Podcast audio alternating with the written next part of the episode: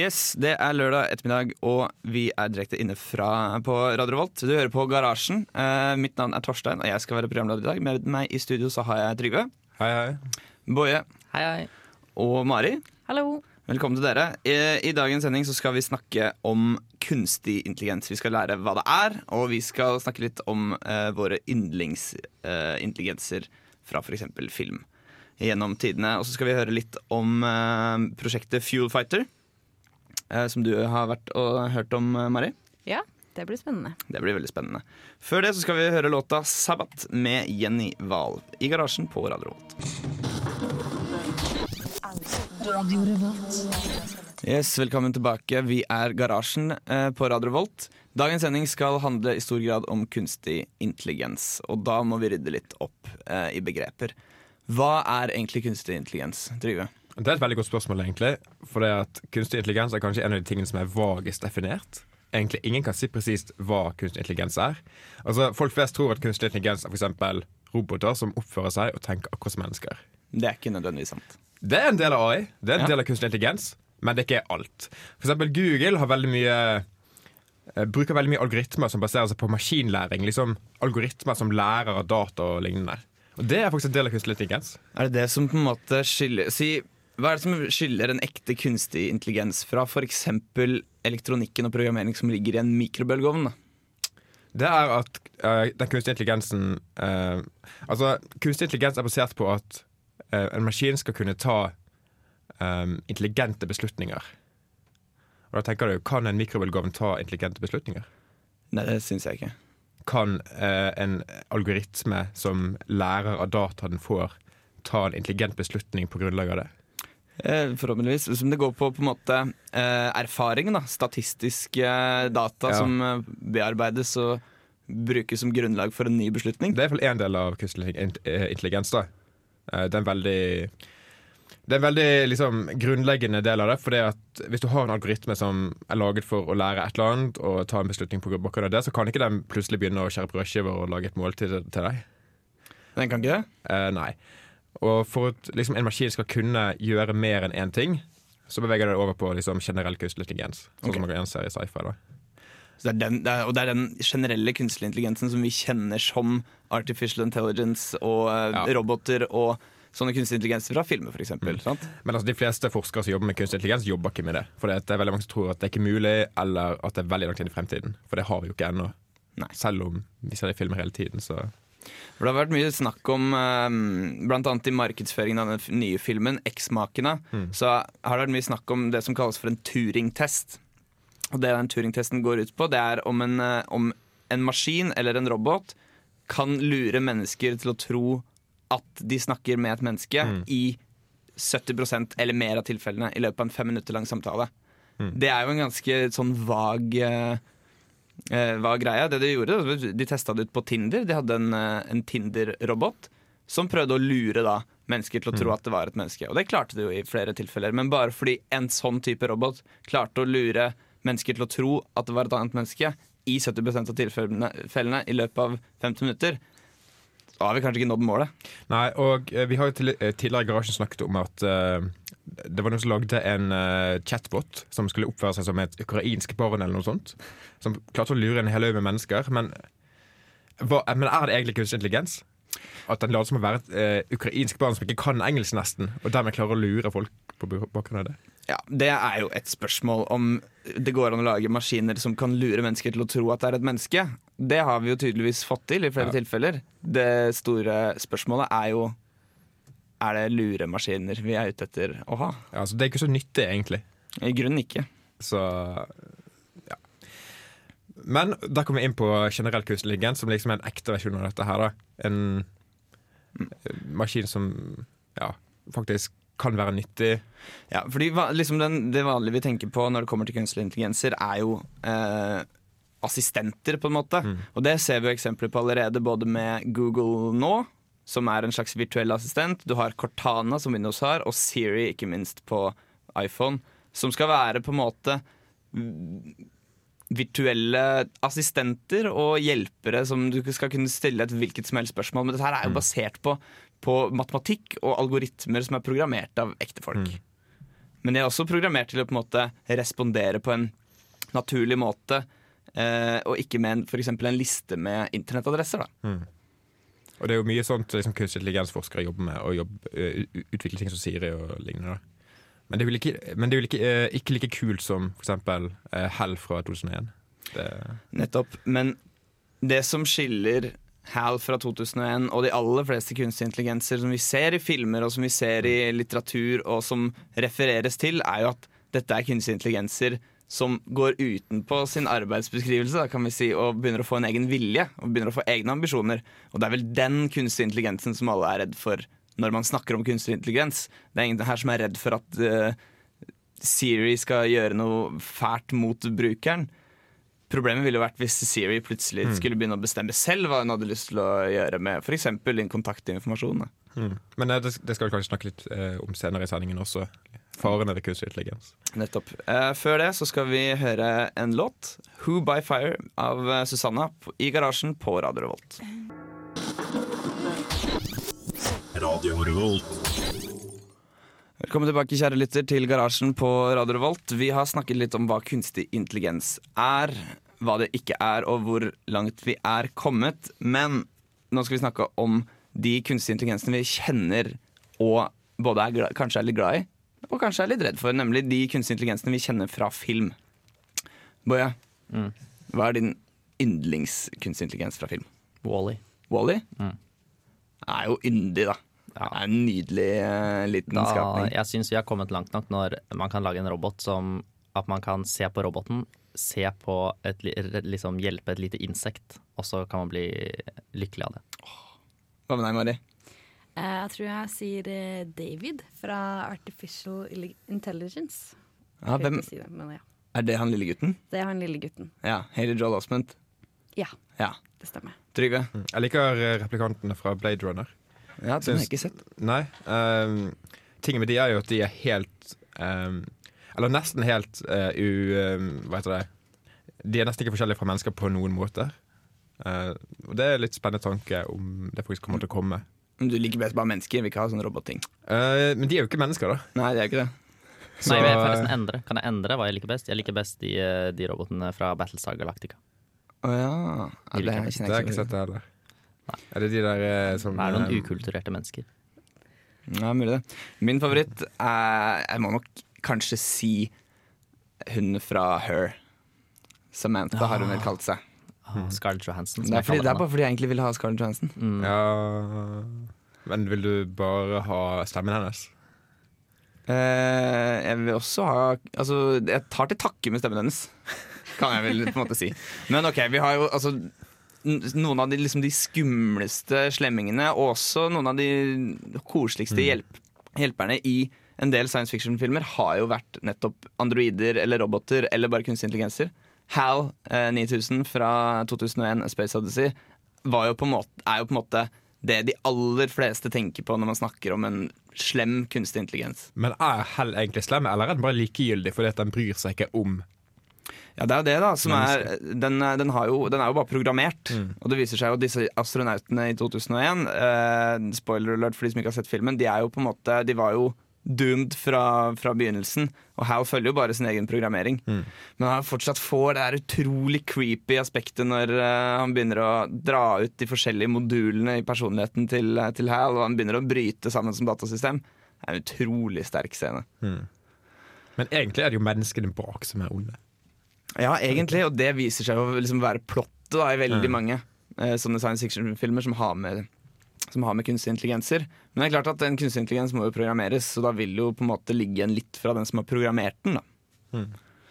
Men kom vi på noen AI-er som faktisk er onde uten at det var ment i utgangspunktet? Som Skynet, eksempel. Skynet fra Terminator eh, ble jo kjempeondt og tok over alt. Eh, så det var, ble jo på en måte et stort problem. Eller så har du Master Control Program fra Tron, som var egentlig bare en vanlig sjakkbot som eh, lærte og utvikla seg til å bli et slags mesterprogram som hadde kontroll over alt, egentlig.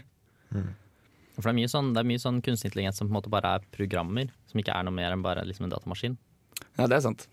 Fordi eh, i hvert fall de, Nå hadde jo ikke dere sett Battlestar Galactica, da, men de, fordi de robotene der, så er det noen av de robotene som blir født i liksom menneskeverden, og så vet de ikke at de er, egentlig er roboter. De tror de er mennesker. Ja. Det er vel litt sånn i Blade Runner også, kanskje. Ja, At de ikke ja. vet at de er eh, roboter. For da, er jo, da må jo kunstig intelligens ha kommet langt nok når en robot kan bli født blant mennesker, og så tror de at de er mennesker helt til de blir forklart noe annet. Men det tenker jeg, hva er poenget med det der? Hvorfor skal man ha Nei. roboter som tror de er mennesker?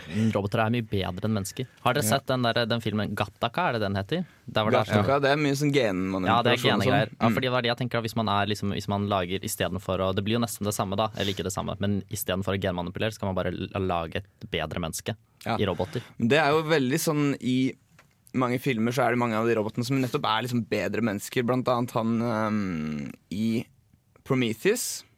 Ja. Hvis det er de som har sett den, uh, så spiller jo um, han godeste Han heter for noe. Han er veldig kjekke. Uh, Det er ganske mange skuespillere. ja. I hvert fall. Um, spiller jo da på en måte bare en hjelpeperson som er en del av, av mannskapet og sånn, og bare har en del andre kvaliteter i kraft av å være robot. Det er også ehm, sånn som Bishop i den, i den opprinnelige Alien-filmen. Han eh, androiden der. Som han ikke skjønner at det er en androide før han får hodet kappet av og viser seg at han har melk eller noe melkelignende i stedet for blod. Det er en veldig veldig sterk scene, også en av mine favoritt-kunstig intelligenser. akkurat han fra den første. Men hvis man skal designe en kunstig intelligens som liksom er bedre på ting enn mennesker, hvorfor skal den se ut som et menneske? Finnes det ikke bedre former på disse robotene enn menneskeformen? Altså jeg tenker for på Interstellar, der robotene ikke ser ut som mennesker i det hele tatt. Ja, Den har jo fått utrolig mye skryt for hvordan den har gjennomført disse kunstig intelligens og disse robotene. Tars og Case fra Interstellar, som ikke ser ut som mennesker i det hele tatt. Og blant annet så et intervju med han ene fra Mythbuster, som har jobba mye med roboter og mye med liksom motorer og aktuatorer og sensorer og sånn. Du ser at det er utrolig sofistikerte roboter, spesielt i actionsekvensene. Når de ruller bortover vannet og de endrer form og sånn, med kanskje til sammen en sju-åtte motorer inni som gjør alt arbeidet. Vanvittig mye mer effektivt enn alle de tusen av småmotorer som eh, du må bruke for å bevege alle ledd i en menneskelignende robot. da. Mm. For det, disse robotene i Interstellar er vel faktisk ikke CGI, det er vel praktiske effekter, så vidt jeg forstår. Det er praktiske effekter. Er- veldig, veldig, veldig bra gjennomført. Det som er kult med, de, med intelligensen da, til de robotene, er at den er jo konfigurerbar. De er jo assistenter, og de er jo hjelperoboter de også, naturligvis. Men uh, du ser jo i løpet av filmen så får de muligheten til å stille inn humornivå, vanlig humør uh, osv. Og ikke minst hvor ærlige de er. Hvor ærlige de er, nettopp. Men, men det må jo være litt praktisk at hvis man har, eh, skal være, ha roboter da, som er liksom her på jorda, så må det være litt praktisk at, eh, at, at de ser ut som mennesker, sånn at de kan bruke alle verktøy og fungere i samfunnet. Alt i samfunnet er jo laget for mennesker. Vi skal snakke mer om eh, de robotene og kunstig intelligensene vi husker fra våre favorittfilmer etter låta 'Masked Laughter', 'Nothing's Left' av Dalek i garasjen på Radio Revolt.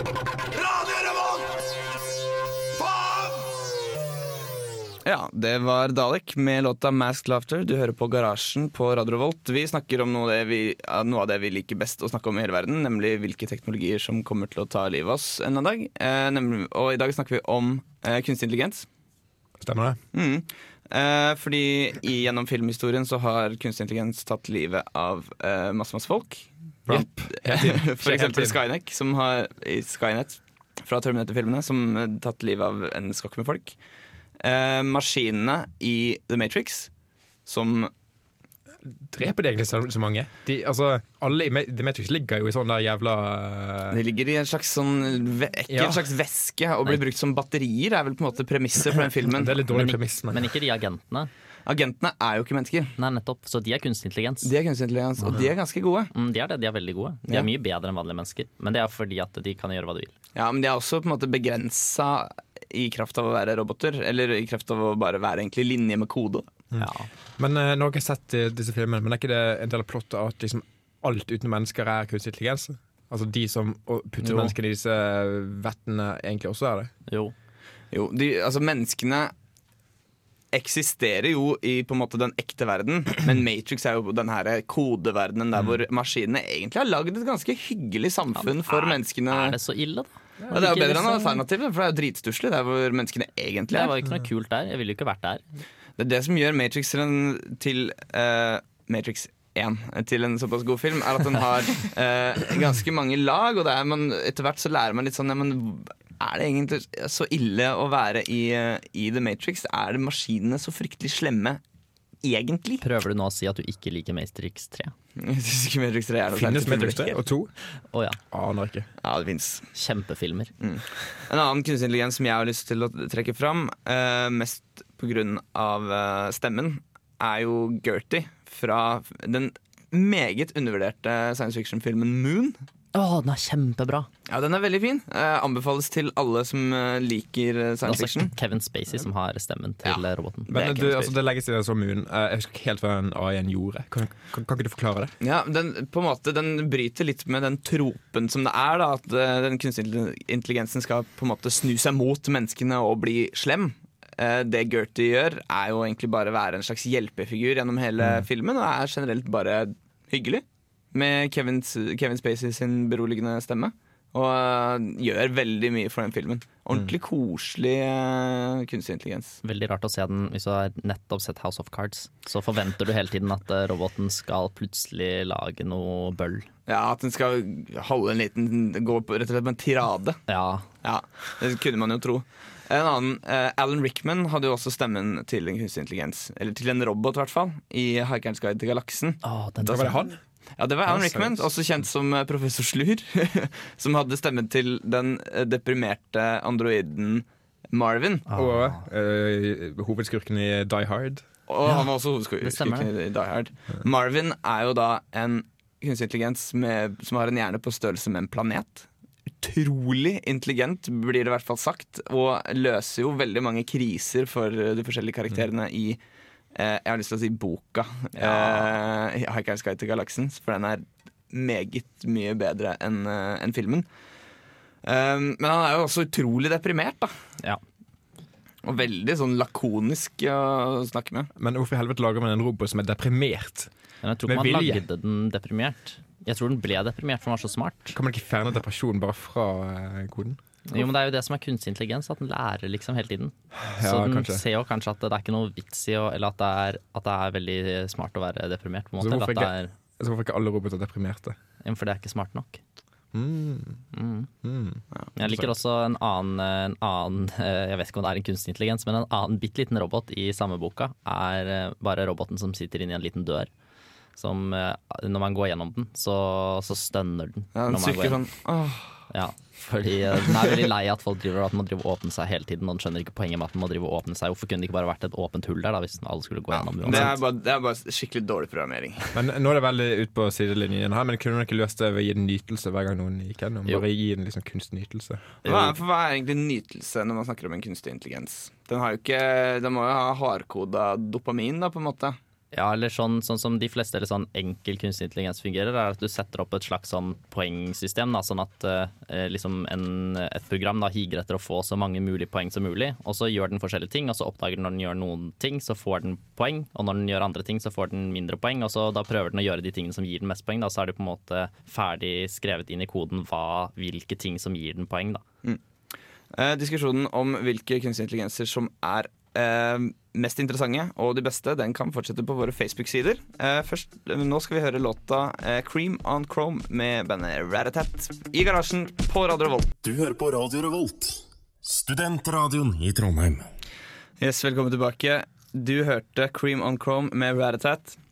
Eh, Du hører på, også på Garasjen på Radio Volt, og eh, vi har snakket i hele dag om eh, kunstig intelligens. Og vi har nettopp snakket en del om kunstig intelligens i film, og vanligvis hvis du blander kunstig, intelligens og film, så blir det bråk. Og det blir ofte veldig farlig, spesielt for menneskene. Spørsmålet er, Blir det sånn i virkeligheten? Ja, det er det store spørsmålet. Risikerer vi at disse kunstige intelligensene tar over for oss?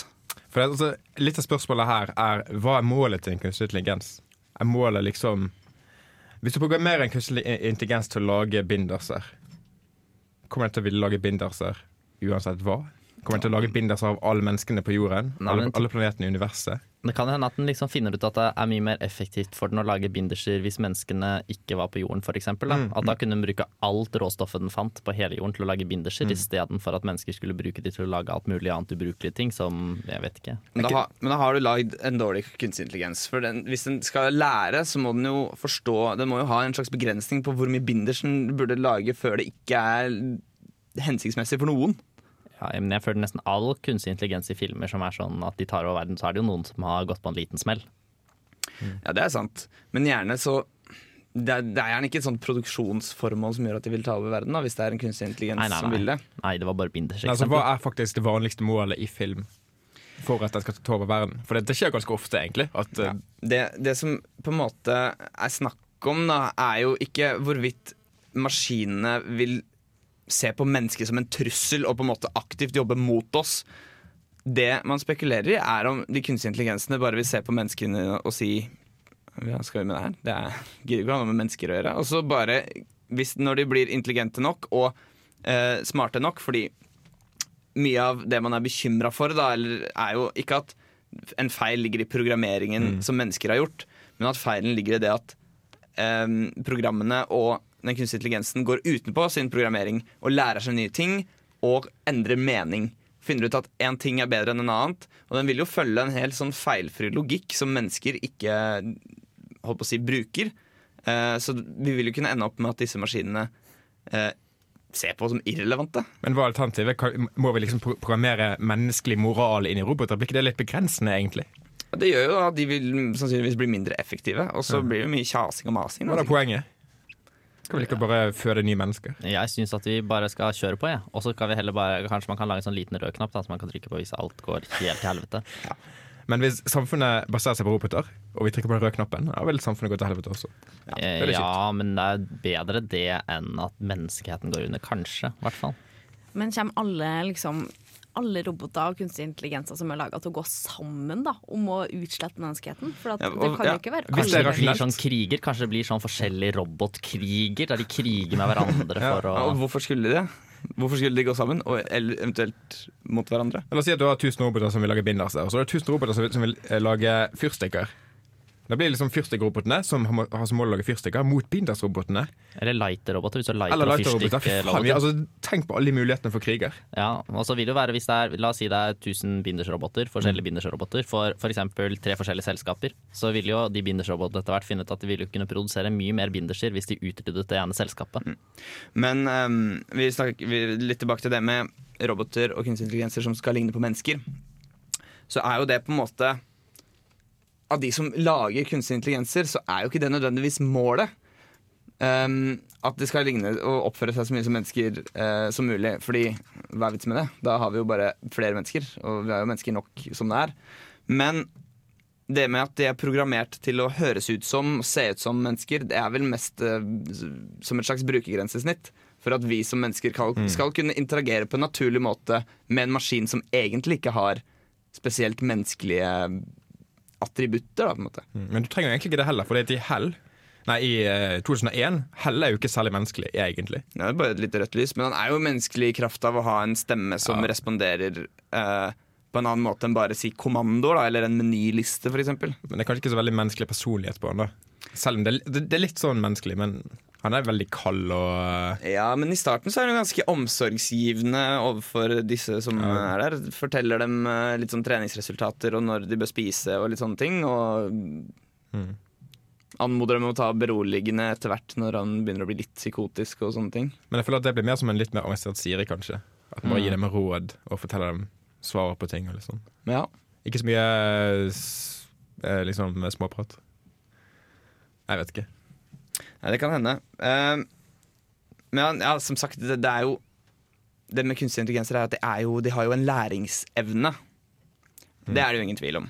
Og det, det jobber man jo også med. At, at et program skal kunne uh, utføre en, en eh, oppgave, få data, og utføre oppgaven annerledes basert på de dataene senere.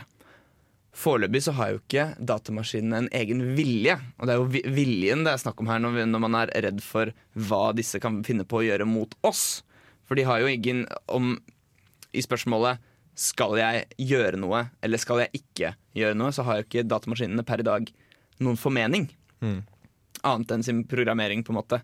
Uh, så det er jo da det begynner å bli skummelt. Og hvor er vi på vei i forhold til viljen? Det er der det store spørsmålet ligger, tenker jeg da. Det er vel egentlig bare å se. Det gjenstår å se. Og det skal vi kanskje se etter låta Can See Can Do med MIA. Du hører på Garasjen på Radio Revolt. Uh, the goal is to make a vehicle that travels uh, that is most fuel efficient. Uh, it, start, uh, it started as a bet between two colleagues, as at Shell, of course, of whom could make the car that could as far as possible on one liter uh, conventional gasoline. Her hører vi prosjektlederen i DNV GL snakke om konkurransen de skal delta på i Rotterdam i mai. Shell Eco Marathon. Der skal de delta i to konkurranser med én prototypebil og ett urbant konsept. The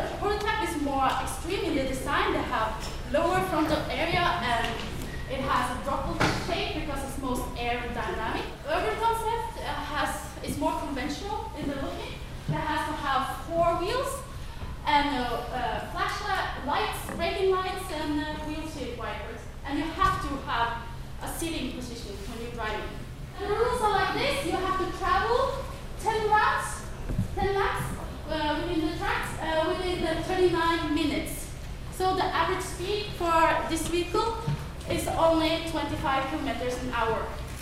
But for the prototype, you actually have to stop every round. So that one is on average speed 30 kilometers an hour.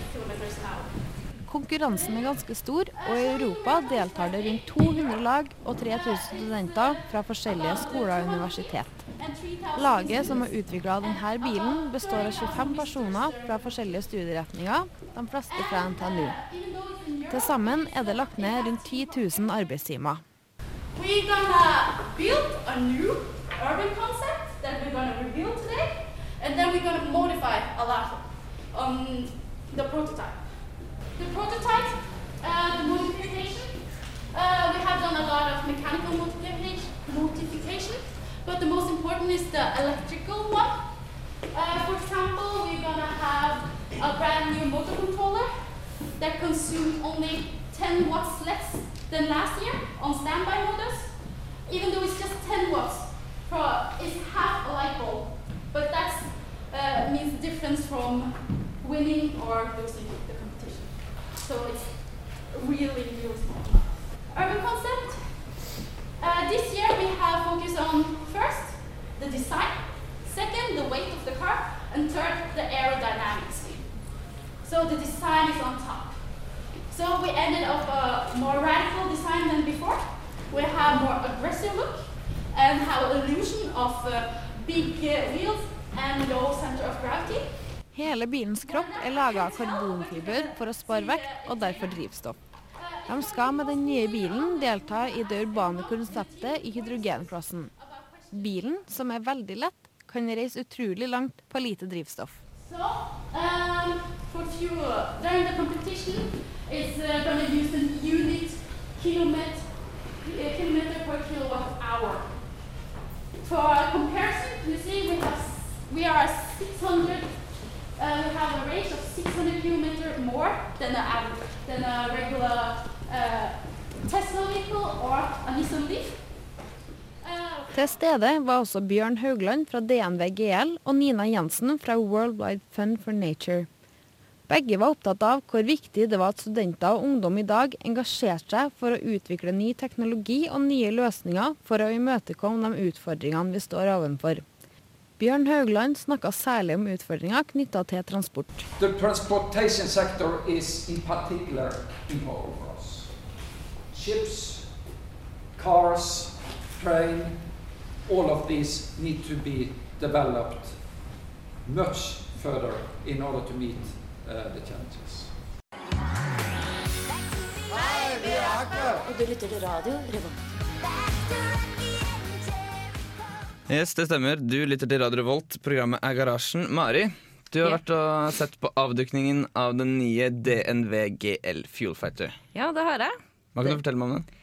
Eh, Det er en utrolig spennende liten eh, bil som eh, de skal delta med på en konkurranse. Um, kjempelett. Og ja, den er kul. Jeg tror det, de har som mål å komme I hvert fall slå fjorårets vinnere. Mm. Hva heter konkurransen? Den heter Shell økomaraton Og foregår i i Rotterdam i Nederland. Det er ikke første gang NTNU deltar eh, her. Nei, de var med for første gang i 2008. Og eh, da kom ikke de så veldig høyt opp, men eh, et, året etterpå så ble de sponsa av DNV GL, og da kom de på førsteplass, tror jeg. Eller andre. Men eh, hva er relasjonen til dette her eh, Revolve-greiene? For Lager ikke de slags bil, de også? Jo da, begge lager bil. Eh, litt forskjellig eh, type konkurranse de deltar på. Eh, Revolve deltar på ikke et økomaraton, men det er vel Jeg vet ikke akkurat hva de eh, Det er vel bare holdt på å si vanlig bilrace. Den, den har jo ikke noe krav til, eh, til um, drivstoff og effektivitet og sånne ting. Den skal vel bare gå sabla fort, så vidt jeg har skjønt. Ja, jeg tror det. Mens Fuel Fighter har da som mål å bli utrolig energieffektiv. Ja, de kan eh, Ja, de snakker jo at de brukte en eh, 600-dels eh, av f.eks. energiforbruket til en Tesla. Ja, Det var vel snakk om at den kunne gå noe sånt som 620 km per uh, kilowattime. Eller noe Ja. sånt. Ja, og så ca. strekningen fra Paris til Istanbul. Mm. Meget eh, imponerende. Det er Men det er uten bagasje, da. Den har ikke bagasjerom. Nei. Det, For det har jo Teslaen. Ja. Ja. Det er veldig kjipt å reise til Istanbul til hva var det var for noe? Istanbul helt, Paris. Ja, Paris-Istanbul uten bagasje. Ja, eh, og så er ikke akkurat veldig komfortabelt å sitte i den bilen i så mange timer. Er det bare, er det bare plass til én? Ja, plass det er en bitte liten bil. Og så den er helt ubrukelig, egentlig, da. Men er den blitt testet på vanlige veier, eller er det bare litt sånn de har testet den på en sånn der eh, ring? Ja, de har, de har kun en bane de tester den på. Jeg tror ikke den, eh, ikke i går Man får vel ikke i trafikken. lov til å kjøre Jo, men det som er greia med det her urbane konseptet, da, er at det på en måte skal bli en greie i framtida. Eh, eller de i hvert fall Mm. satser på at det skal komme opp med sånne løsninger. For at den har blant annet bremselys og frontlys og sitteposisjon til føreren og sånn. Ja, det er stilt visse krav, så det skal på en måte være, som, som det heter, da, en urban concept-bil som skal kunne Altså teoretisk sett kunne EU-godkjennes og være street legal, da, som det heter. Til forskjell fra prototypen, som bare er en slags proof of concept, hvor, den hvor poenget er at den skal kunne gå så langt som overhodet mulig på en Men, hva, men hva, er det de, hva er det de gjør for å få den? Er det bare å lage bilen lett? Er det det eneste de gjør for å få den til å gå langt? Jeg regner med det er å lage den lett og effektiv sånn i alle, i alle trinn. Da. Både i elektronikk og styringssystemer osv. Men Finnes det ikke allerede sånne små eh, skikkelig effektive biler, sånn som Smartcar og Think og den slags? Hvorfor ikke Den Mer effektive. Den Posten-bilen der de Ja. kjører rundt, den er jo kjempeliten. Ja, liten og lett, men det, man må jo alltid jobbe med å komme lenger. ikke sant? Det er derfor de har den konkurransen her. Yes. Uh, du har hørt på Garasjen på Radio Revolt. Vi har snakket om kunstig intelligens. Vi har også hørt om eh, DNV GL Fuel Fighter. Etter oss så kommer Reaktor. Radio Revolts aktualitetsmagasinsordning. Det blir veldig fint. Uh, jeg heter Torstein Bakke. Med meg i studio har jeg hatt Trygve, Boje og eh, Mari. Og eh, husk på å høre på oss neste lørdag. Det blir vel semesterets eh, siste sending? blir ikke det, Trygve? Antakelig. Antakeligvis. Vi får se. Mm, vi skal høre det rare hiphop-bandet Death Grips med låta On GP. Du har hørt på Garasjen i Radio Revolt. Ha en nydelig helg.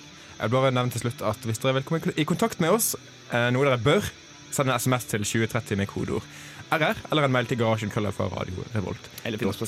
NO, eller på Facebook.